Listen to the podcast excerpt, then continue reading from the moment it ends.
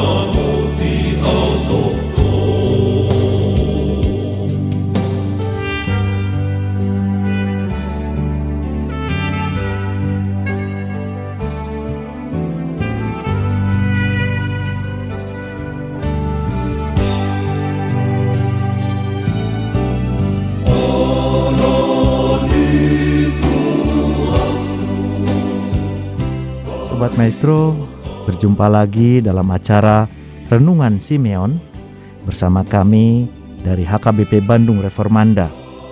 Malam ini Sobat Maestro ditemani oleh saya, Penetua Mervin Huta Barat, dan Penetua Tiur Sihombing serta Pendeta OTP Huta Barat yang akan membawakan renungan nanti.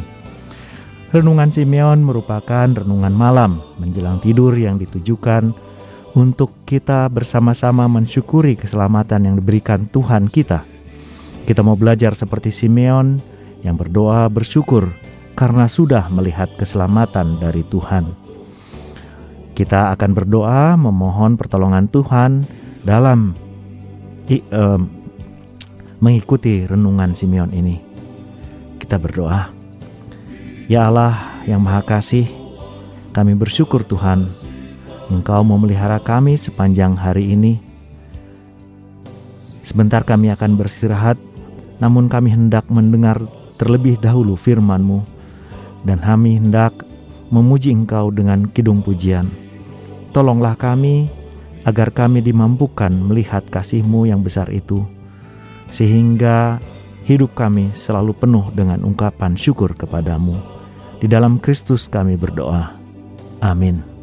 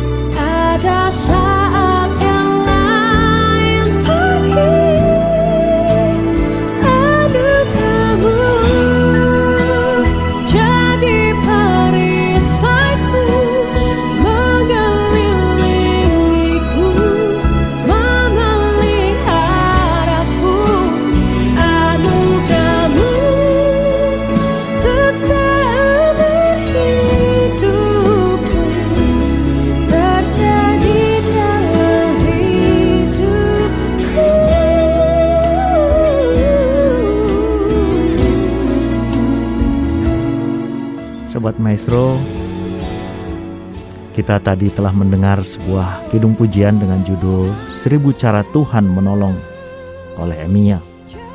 Lagu ini sangat indah, menjadi pengantar kita untuk memasuki renungan malam ini. Topik kita malam ini adalah Percayalah, Tuhan menyediakan yang didasarkan atas Nats 1 Raja-Raja 17 ayat 1 sampai 16. Kita akan belajar dari kisah pemeliharaan Tuhan akan Nabi Elia yang akan disampaikan oleh Pendeta OTP Duta Barat. Silakan Pak Pendeta. Terima kasih sahabat Mesro yang dikasih Tuhan kita Yesus Kristus. Sebelum kita mengikuti renungan, baiklah kita mendengar firman Tuhan yang diambil dari satu Raja 17 ayat 116 yang akan, akan dibacakan oleh Penatua Tiur Xiaoming. Silakan. 1 Raja-Raja 17 ayat 1 sampai 16. Elia di tepi sungai Kerit. Lalu berkatalah Elia orang Tisbe dari Tisbe Gilead kepada Ahab, Demi Tuhan yang hidup, Allah Israel yang kulayani, sesungguhnya tidak akan ada embun atau hujan pada tahun-tahun ini, kecuali kalau kukatakan. Kemudian datanglah firman Tuhan kepadanya, Pergilah dari sini, berjalanlah ke timur, dan bersembunyilah di tepi sungai Kerit, di sebelah timur sungai Yordan. Engkau dapat minum dari sungai itu, dan burung-burung gagak telah kuperintahkan untuk memberi makan engkau di sana. Lalu ia pergi dan ia melakukan seperti firman Tuhan. Ia pergi dan diam di tepi sungai Kerit di sebelah timur sungai Yordan. Pada waktu pagi dan petang, burung-burung gagak membawa roti dan daging kepadanya, dan ia minum dari sungai itu. Elia dan janda di Sarfat. Tetapi sesudah beberapa waktu, sungai itu menjadi kering, sebab hujan tiada turun di negeri itu. Maka datanglah firman Tuhan kepada Elia, Bersiaplah pergi ke Sarfat, yang termasuk wilayah Sidon, dan diamlah di sana. Ketahuilah, aku telah memerintahkan seorang janda untuk memberi engkau makan. Sesudah itu ia bersiap, lalu pergi ke Sarfat. Setelah ia sampai ke pintu gerbang kota itu, tampaklah di sana seorang janda, seorang mengumpulkan kayu api. Ia berseru kepada perempuan itu, katanya, "Cobalah ambil bagiku sedikit air dalam kendi, supaya aku minum." Ketika perempuan itu pergi mengambilnya, ia berseru lagi, "Cobalah ambil juga bagiku sepotong roti." Perempuan itu menjawab, "Demi Tuhan Allahmu yang hidup, sesungguhnya tidak ada roti padaku sedikit pun, kecuali segenggam tepung dalam tempayan dan sedikit minyak dalam buli-buli. Dan sekarang aku sedang mengumpulkan dua tiga potong kayu api, kemudian aku mau pulang dan mengolahnya bagiku dan bagi anakku. Dan setelah kami memakannya, maka kami akan mati.' Tetapi Elia berkata kepadanya, "Janganlah takut, pulanglah, buatlah seperti yang kau katakan, tetapi buatlah lebih dahulu bagiku sepotong roti bundar kecil daripadanya, dan bawalah kepadaku, kemudian barulah kau buat bagimu dan bagi anakmu." Sebab beginilah firman Tuhan, Allah Israel, tepung dalam tempayan itu tidak akan habis, dan minyak dalam buli-buli itu pun tidak akan berkurang sampai pada waktu Tuhan memberi hujan ke atas muka bumi. Lalu pergilah perempuan itu dan berbuat seperti yang dikatakan Elia. Maka perempuan itu dan dia serta anak perempuan itu mendapat makan beberapa waktu lamanya. Tepung dalam tempayan itu tidak habis dan minyak dalam buli-buli itu tidak berkurang seperti firman Tuhan yang diucapkannya dengan perantaraan Elia. Demikianlah firman Tuhan. Terima kasih sahabat Mesro yang kasih Tuhan kita Yesus Kristus. Pada malam hari ini kita akan merenungkan dan melihat bagaimana Tuhan memelihara hidup kita, bagaimana Tuhan menyediakan kebutuhan kita. Saudara yang kasih Tuhan kita Yesus Kristus, menyediakan dalam bahasa Inggris itu biasanya disebut provide. Kita ingat ada provider, provider dari internet itu penyedia internet. Provide itu dalam bahasa Inggris berasal dari bahasa Latin kuno yang akarnya adalah pro yang artinya di depan dan video artinya melihat. Maka provide atau atau provider adalah seseorang yang melihat ke depan, melihat apa yang dibutuhkan dan ini tentu saja membuat orang itu, orang yang sebagai provider itu, membuat rencana untuk memenuhi apa yang dibutuhkan. Tuhan adalah provider. Tuhan menyediakan semua kebutuhan kita karena kasihnya yang begitu besar bagi kita. Tuhan menyediakan kebutuhan jasmani kita, dan Dia juga menyediakan kebutuhan-kebutuhan untuk rohani kita. Nah, dari teks kita ini kita akan belajar bagaimana Tuhan memelihara dan menyediakan kebutuhan dari Nabi Elia. Dan ini mungkin juga dapat kita pelajari untuk hidup kita sehari-hari. Dari satu Raja 17 ayat 16 itu didahului dengan peristiwa lain di, di dalam kitab satu Raja itu ketika Raja Ahab dan istrinya memerintah. Mereka menyembah berhala dan itu mengakibatkan rakyat juga menyembah berhala dalam kehidupan mereka sehari-hari. Oleh karena itu, Tuhan melalui ucapan dari Elia mengutuk orang-orang Israel dan mengutuk tanah Israel sehingga embun dan hujan tidak akan turun ke dalam ke tanah Israel dalam waktu yang ditentukan oleh Tuhan. Dan peristiwa ini membawa raja raja Ahab menderita dan seluruh rakyat menderita. Dan membuat juga raja Ahab marah terhadap Elia. Maka Elia harus melarikan diri dan bersembunyi. Maka peristiwa-peristiwa yang mengikuti peristiwa ini itu akan menjadi pelajaran bagi Elia dan itu dapat membuat Elia men menjadikan imannya semakin kuat. Sahabat Mestron kasih Tuhan kita Yesus Kristus, dalam ayat 1 dikatakan demikian. Lalu berkatalah Elia orang Tisbe dari Tisbe Gilead kepada Ahab, Demi Tuhan yang hidup, Allah Israel yang kulayani, sesungguhnya tidak ada tidak akan ada embun atau hujan pada tahun ini kecuali kalau kukatakan. Karena Tuhan itu adil, dia sering membuat hukuman yang sesuai dengan dosa yang telah dilakukan orang. Orang-orang Israel telah menyembah dewa dan mereka ya meyakini bahwa dewa-dewa itu yang mereka sembah itu mengendalikan cuaca dan terutama hujan yang membuat tanah menjadi subur.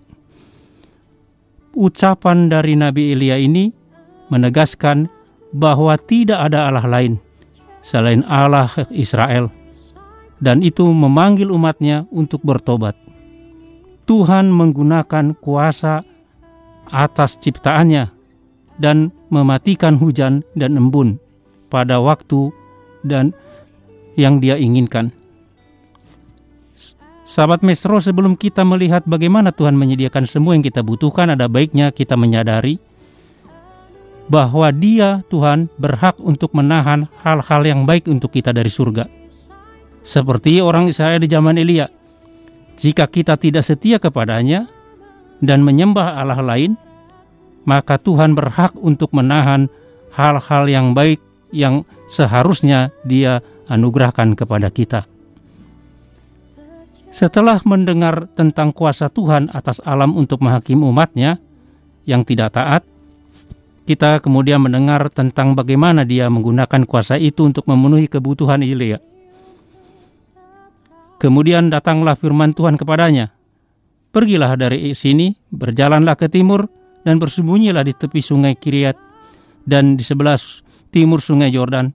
Engkau dapat minum air dari sungai itu, dan burung-burung gagak telah kuperintahkan untuk memberi makan engkau di sana. Apakah Tuhan menggunakan mujizat untuk memenuhi kebutuhan Elia? Dia menggunakan cara yang biasa dan keajaiban alam. Tuhan memuaskan dahaga nabinya dengan air di sungai. Sepertinya tidak ada yang ajaib tentang itu. Tindakan gagak di sisi lain nampaknya merupakan keajaiban. Burung gagak adalah burung pemulung yang oleh hukum perjanjian lama dinyatakan najis. Biasanya burung gagak adalah perampok yang rakus, menyambar makanan ringan dari bangkai hewan yang mati tetapi Tuhan menggunakan sumber yang paling tidak mungkin itu untuk memenuhi kebutuhan nabinya. Selama ini dia menunjukkan kekuasaannya atas ciptaannya, maka dia juga menunjukkan kekuasaannya untuk mem memenuhi kebutuhan nabinya. Kemudian seiring waktu keadaan berubah untuk Elia. Tentu saja Tuhan dapat membuat nabinya tetap hidup di tempat dia berada saat ini tetapi dia memimpin Elia untuk lebih percaya kepadanya. Maka dikatakan dalam teks kita, tetapi sesudah beberapa waktu sungai itu menjadi kering, sebab hujan tiada turun di negeri itu. Maka datanglah firman Tuhan kepada Elia, bersiaplah pergi ke Sarfat yang termasuk wilayah Sidon dan diamlah di sana. Ketahuilah, aku telah memerintahkan seorang janda untuk memberi engkau makan. Sekali lagi, Tuhan akan menggunakan ciptaannya yang dia atur, dia perintah untuk memenuhi kebutuhan Elia. Dia telah memerintah seorang janda untuk menyediakan makanan bagi Elia. Tetapi masalahnya, janda itu tidak memiliki persediaan makanan yang dapat diberikan kepada sang nabi. Jadi Tuhan kembali menggunakan ciptaan yang dia atur untuk menyelesaikan pekerjaannya. Dia melakukan mujizat yang tidak yang kita dengar di ayat 15 sampai 16. Lalu pergilah perempuan itu dan berbuat seperti yang dikatakan Elia. Maka perempuan itu dan dia serta anak perempuan itu mendapat makanan beberapa waktu lamanya. Tepung dalam tempayan itu tidak habis dan minyak di dalam buli-buli itu tidak berkekurangan, berkurangan seperti firman Tuhan yang diucapkannya kepada peranta dengan perantaraan Elia. Melalui cara-cara alami dan melalui cara-cara yang ajaib, Tuhan menyediakan bagi nabinya kebutuhan yang diperlukannya. Namun pada akhirnya dia melakukan melalui ciptaan yang dia kuasai untuk juga menolong atau memenuhi kebutuhan kita. Saat kita mendengar kisah ini dari kehidupan Elia ini, Tuhan memanggil kita untuk mempercayai Dia, untuk menyediakan kebutuhan kita melalui ciptaan yang Dia kuasai. Meskipun Tuhan mengucapkan kata-kata ini kepada Nabi Nuh, tetapi juga ini masih berlaku bagi kita, yaitu untuk mempercayai Tuhan untuk makanan kita sehari-hari. Tuhan berkata kepada Nabi Nuh, selama bumi masih ada, takkan berhenti musim menabur dan menuai, dingin dan panas, kemarau dan hujan, siang dan malam. Bukankah ke kebetulan dunia ini masih berputar dalam pola yang dapat diprediksi? Itu bukan kebetulan, tetapi itu adalah atas pengaturan dari Tuhan yang memerintah dan mengatur ciptaannya. Waktu tuh tahunan untuk menanam dan untuk memanen menjadi terjadi karena Tuhan mengatur ciptaannya. Itu sebabnya Mazmur 45 ayat 16, 15 16 berkata, Mata sekalian orang menantikan engkau, dan engkau pun memberi mereka makanan pada waktunya. Engkau yang membuka tanganmu dan berkenan mengenyangkan segala yang hidup. Mata kita memandang kepada dengan percaya kepada Tuhan, dan Dia menyediakan kebutuhan kita melalui ciptaan yang Dia kuasai dan Dia atur. Karena sebagian besar dari kita mendapatkan makanan dari pasar atau toko serba ada, dan bukan dari tanah tempat kita bekerja, kita mungkin lupa bahwa fakta bahwa Tuhan yang menggunakan cara alami untuk memenuhi kebutuhan kita. Kita makan yang dihasilkan dari desa-desa pertanian, daging sapi yang dihasilkan dari NTT atau dari impor, dan jeruk dari Medan. Karunia tanah kita tidak berasal dari teknologi kita atau petani kita yang berbakat, itu berasal dari Tuhan yang menciptakan langit dan bumi. Sangat mudah bagi kita untuk menerima fakta begitu saja, namun di setiap benih yang ditanam, kita akan melihat keajaiban kuasa kreatif dari Tuhan kita bekerja. Dan dengan kemampuan yang kita miliki untuk bekerja dan mencari nafkah, kita juga melihat Tuhan menggunakan ciptaan yang Dia atur untuk menyediakan kebutuhan bagi kita. Ingatlah, untuk mempercayai Tuhan yang menyediakan apa yang kita butuhkan. Kemudian, semoga kita mengenali bagaimana Dia menggunakan ciptaan yang diatur untuk menyediakan bagi kita. Akhirnya, biarlah kebenaran itu menuntun kita untuk bersyukur kepadanya atas berkat yang Dia curahkan kepada kita, dan juga untuk bekerja dengan jujur dan tidak melakukan kejahatan dan hal-hal yang bertentangan dengan kehendak Tuhan. Meskipun Tuhan menyediakan Elia dengan apa yang dia butuhkan untuk hidupnya, dia juga menggunakan pengalaman itu sebagai kesempatan bagi Nabi untuk menunjukkan kepercayaannya kepada Tuhan. Sejak Elia mengumumkan firman Tuhan kepada Raja Ahab, dia harus mempercayai firmannya yang sama untuk kelangsungan hidupnya. Tuhan menyuruhnya pergi ke sebuah jurang dan burung-burung gagak akan memberinya makanan. Elia percaya kepada firman Tuhan dan mentaatinya. Kemudian Tuhan menyuruhnya pergi ke rumah seorang janda di negeri asing.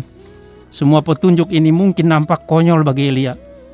Sebuah sungai di padang pasir selama kekeringan akan memberi dia meka, memberi dia air. Bagaimana ini mungkin? Dan beberapa burung akan memberi dia makan. Ini juga bagaimana mungkin?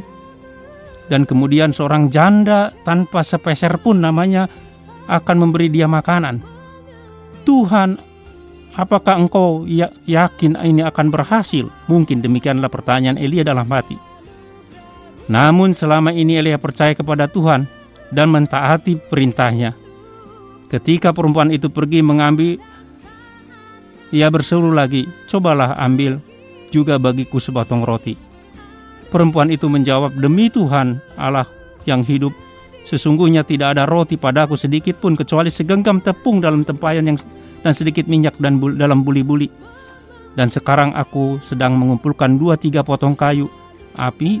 Kemudian aku mau pulang dan mengolah bagiku dan bagi anakku dan setelah kami memakannya maka kami mati.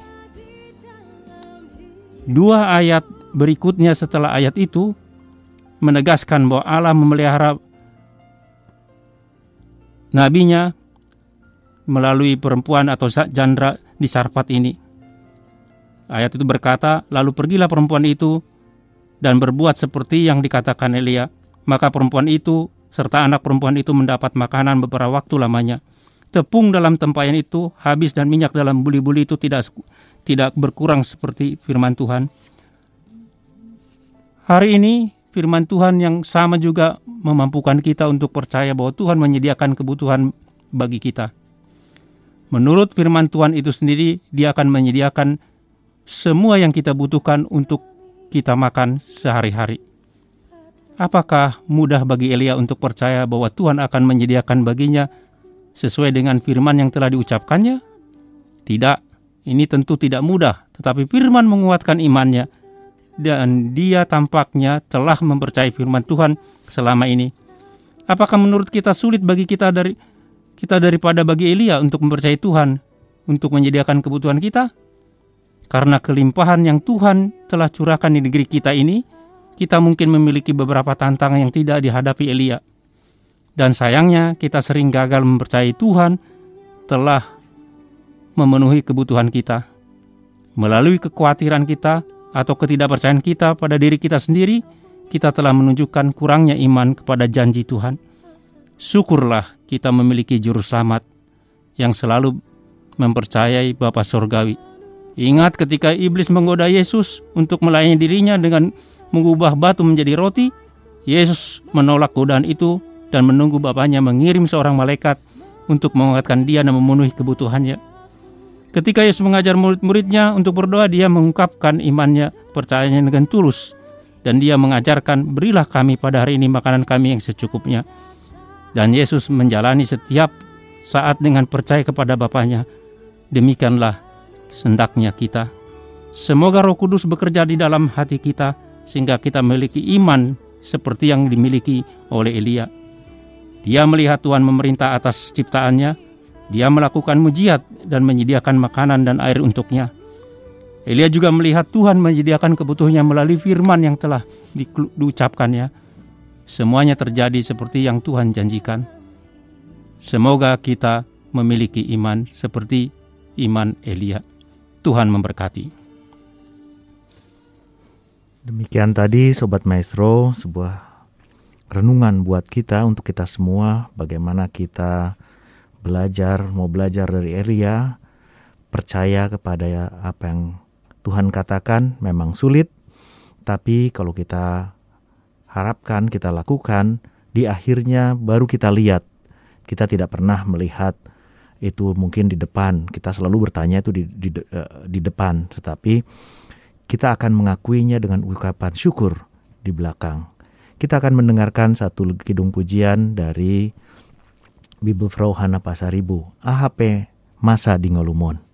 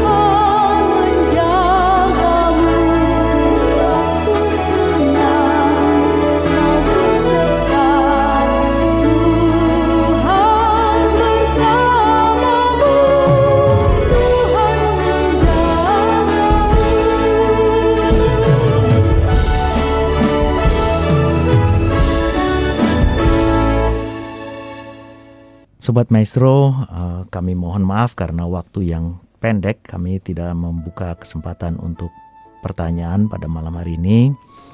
Uh, Sobat Maestro ada beberapa pengumuman uh, yang ingin kami sampaikan terkait dengan acara kita.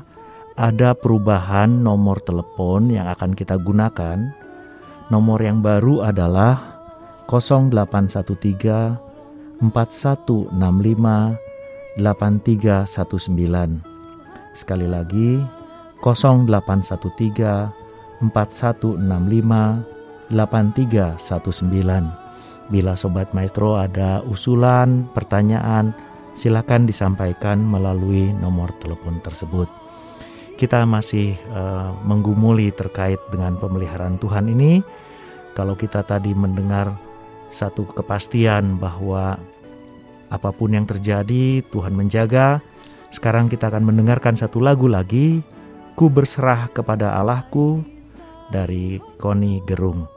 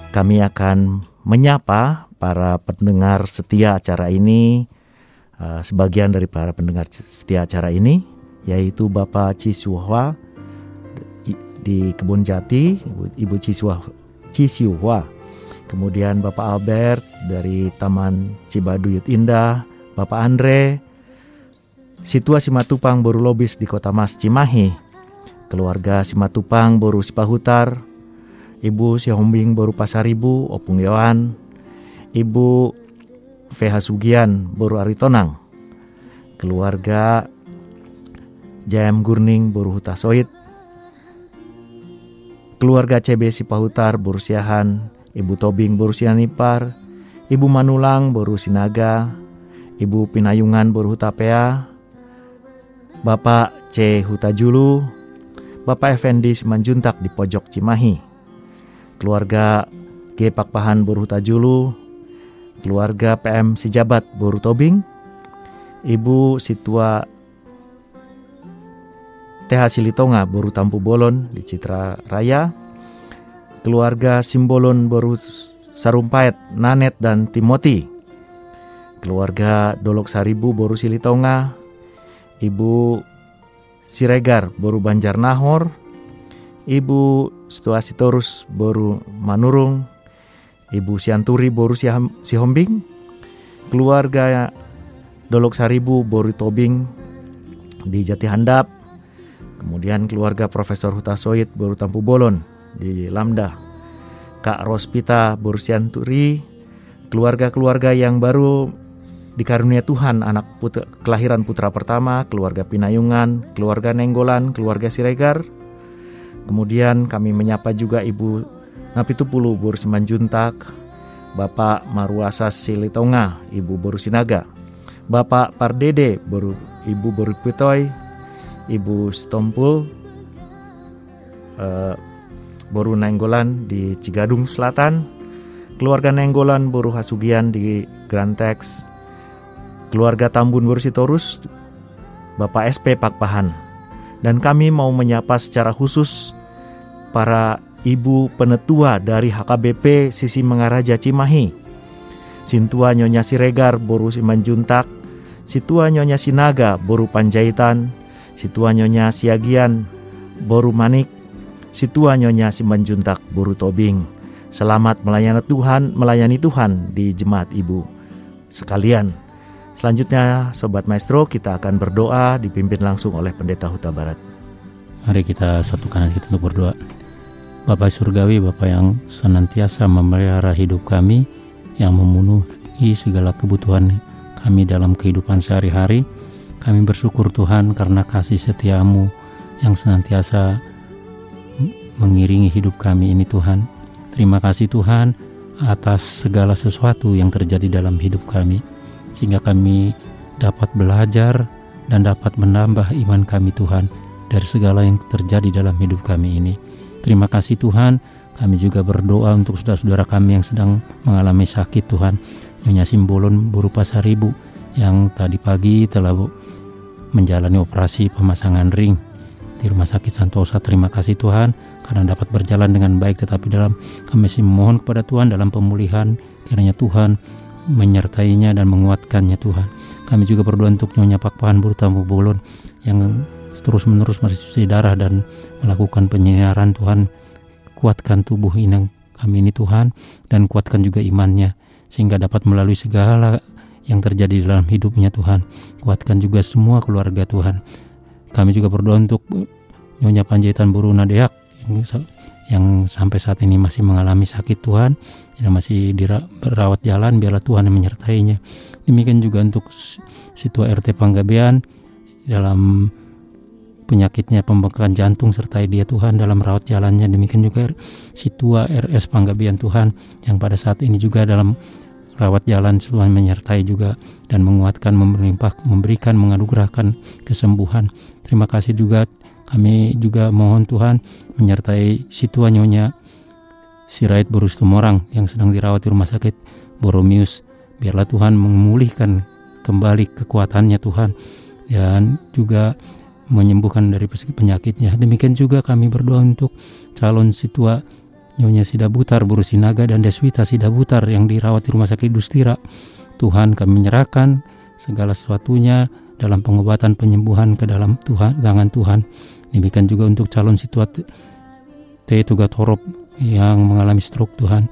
Biarlah Tuhan yang senantiasa menyertai keluarga dan amang ini juga kau kuatkan Tuhan. Terima kasih Tuhan kami menyerahkan semuanya ke dalam tangan Tuhan. Kami berdoa untuk mereka yang mencari pekerjaan sertai mereka Tuhan dan nyatakanlah Tuhan kasih-Mu melalui pekerjaan yang dapat mereka kerjakan Tuhan.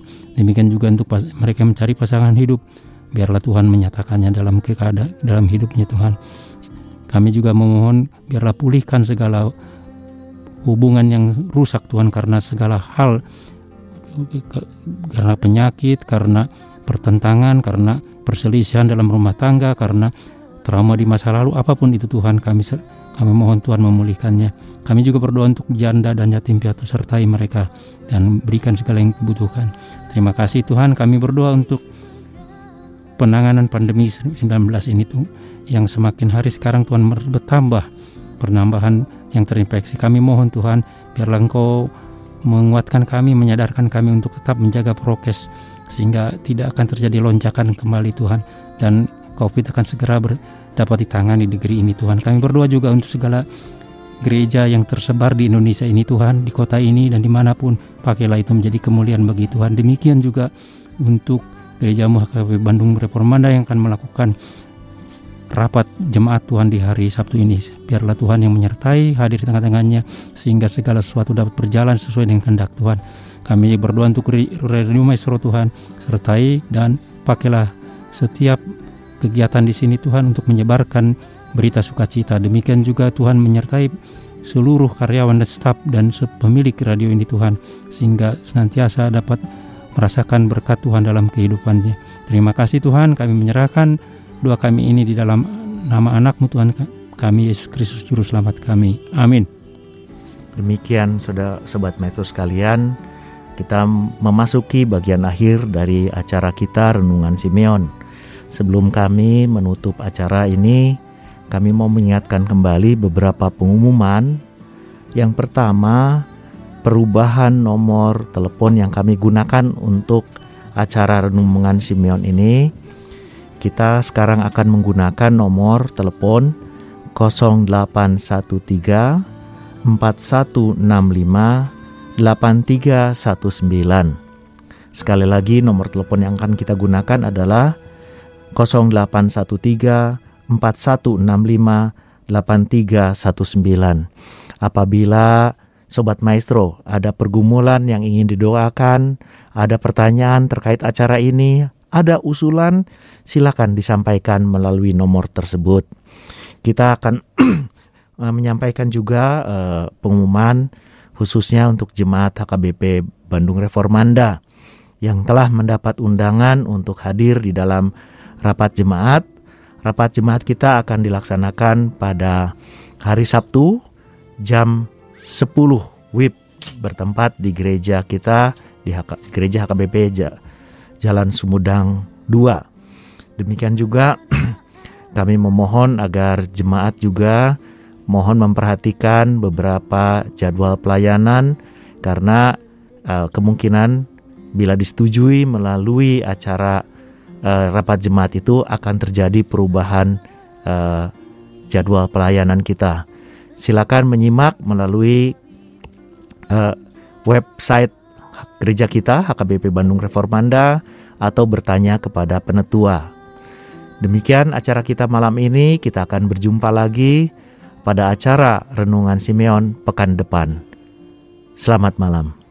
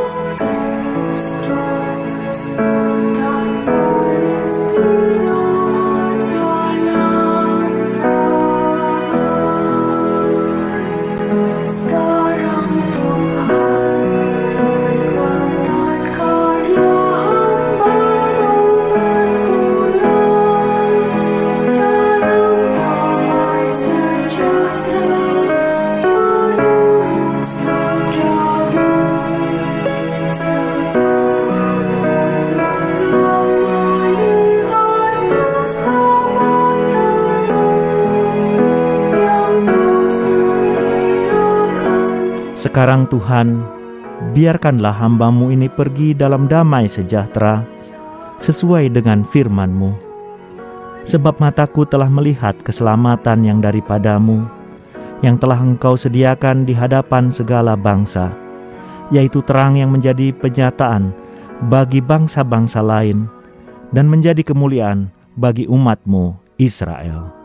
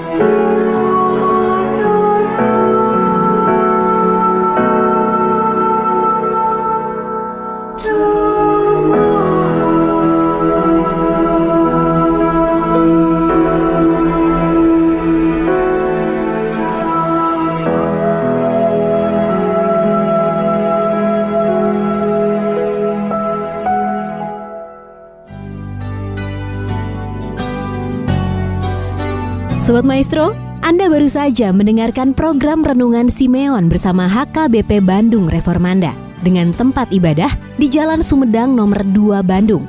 Phone 081 222 857 865. Kebaktian Umum Bahasa Indonesia pukul 7.30. Kebaktian Umum Bahasa Batak pukul 10.30. Kebaktian umum dilaksanakan on-site dengan protokol kesehatan dan online melalui kanal YouTube dan Facebook at HKBP Bandung Reformanda. Kebaktian sekolah minggu pukul 9 melalui Zoom. Terima kasih atas kebersamaan Anda. Tuhan Yesus memberkati.